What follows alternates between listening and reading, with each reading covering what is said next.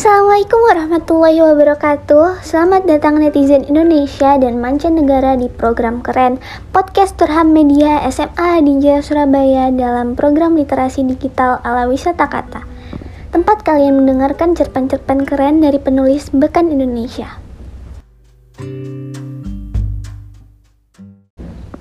Abu Senggara Karya Nadia Putri Azahra Purwanto. Apa yang terlintas di benak kalian mengenai lautan? Indah, atau justru menakutkan.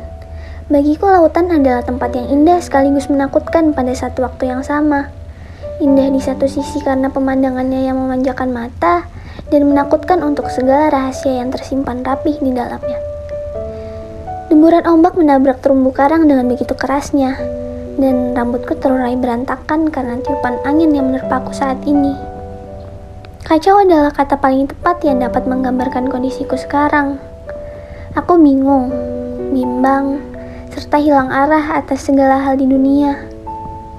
Aku memandang lautan dengan air mata yang terus mengalir dengan deras tiada hentinya. Memandangnya lamat-lamat seolah itu adalah tujuan terakhirku nantinya.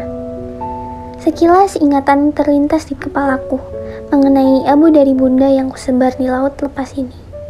Apakah bunda melihatku dari sana, dari tempat yang tidak bisa aku lihat dan aku kunjungi?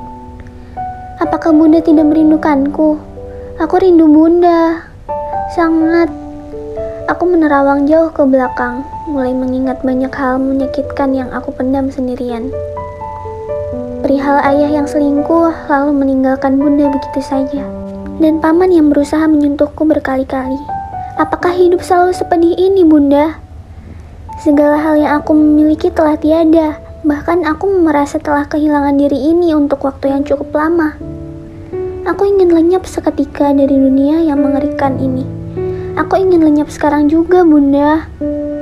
Menenangkan rasanya dapat menikmati kesunyian pantai ini. Membiarkan diriku duduk di sebuah bongkahan batu besar yang letaknya sedikit jauh dari keramaian pengunjung. Aku menekuk kedua kakiku dan memeluknya erat-erat. Berusaha menghangatkan diri dari angin pantai yang cukup kencang sore hari ini.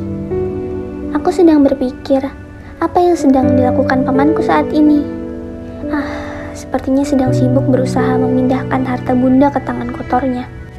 Tidak peduli dengan hal apa saja yang ingin ia lakukan, karena perlawananku tidak pernah berhasil, selalu gagal, dan kembali ke titik nol di mana akhirnya aku memutuskan untuk menyerah dan merelakan segalanya. Di sisi lain, ayah benar-benar melupakanku dan juga bunda dengan begitu mudahnya. Bahkan sekedar datang untuk mengucapkan ucapan bela sungkawa saja enggan. Dari kejauhan, aku melihat gelak tawa bahagia seorang anak dan juga ayahnya. Bermain air dengan perasaan bahagia dan sejenak melupakan hal-hal melelahkan di dunia. Perasaan iri mulai menyelimuti diriku, bahwa aku kembali hanyut ke dalam masa lalu. Suara notifikasi pesan dari ponsel yang sedang aku genggam memecah lamunanku seketika menampilkan sebuah pesan dari nomor asing yang tidak aku ketahui siapa pengirimnya. Alia apa kabar? Bunda juga apa kabar? Kata Leo. Jantungku berdebar kencang, seolah ada harapan untuk kembali tinggal di dunia ini. Leo, teman masa kecilku telah kembali. Secerca harapan memang muncul dalam diri ini. Namun keinginan untuk menyerah telah terlampau besar melebihi secerca harapan itu tadi. Lautan yang indah ini akan menjadi saksi mata dari kebahagiaan kecil yang baru saja aku syukuri. Juga menjadi saksi mata atas tangisan penuh amarahku tadi. Leo kembali setelah enam tahun lamanya menempuh pendidikan di Amerika, mengejar mimpinya untuk menjadi seorang pengusaha sukses. Aku tidak akan sanggup menemuinya sampai kapan pun. Kabarku buruk, buruk dan sangat buruk. Air laut mulai pasang karena hari beranjak gelap, dan aku enggan pergi dari tempat ini. Pengunjung pantai mulai sepi, dan tersisa aku sendiri di atas bongkahan batu ini. Ombak lautan menari-nari dengan begitu indahnya, seolah mengajakku untuk ikut bergabung di dalamnya. Aku berdiri, kembali menatap lautan lepas itu dengan perasaan yang sulit untuk diutarakan.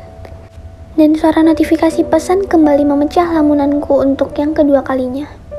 Don't do it kali ya. Bunda pasti sedih liatnya. Bunda udah gak ada. Aku memutuskan untuk mematikan ponselku dan meletak melewatkannya begitu saja. Bersiap untuk mengakhiri semua penderitaan ini untuk selamanya. Tubuh yang sudah kotor, keluarga yang telah hancur sejak lama, hidup sebatang kara, dan dihadapkan dengan pilihan sulit, yaitu tetap hidup dalam ketakutan yang terpampang nyata Pilihan yang aku pilih adalah membiarkan tubuhku dipeluk erat oleh dinginnya lautan dan membiarkan tubuh ini merasakan sakit untuk yang terakhir kalinya. Berharap untuk segera lenyap tanpa ada yang menyadarinya, karena aku ingin segera menyusul bunda sejauh apa pun itu. Azahra dan Leo menuju titik lokasi Kalea. Atas beberapa pertimbangan, Azahra memasang aplikasi pelacak lokasi di HP temannya itu selama beberapa minggu terakhir. Sebagai karib, ia sangat khawatir hal tak terduga akan menimpanya. Laut bukan tempat yang dengan senang hati akan dikunjungi Kalea. Semenjak kepergian bundanya, ia bilang jika sangat membenci laut. Maka ketika sahabatnya itu menuju laut, terlintas hal-hal mengerikan di kepalanya.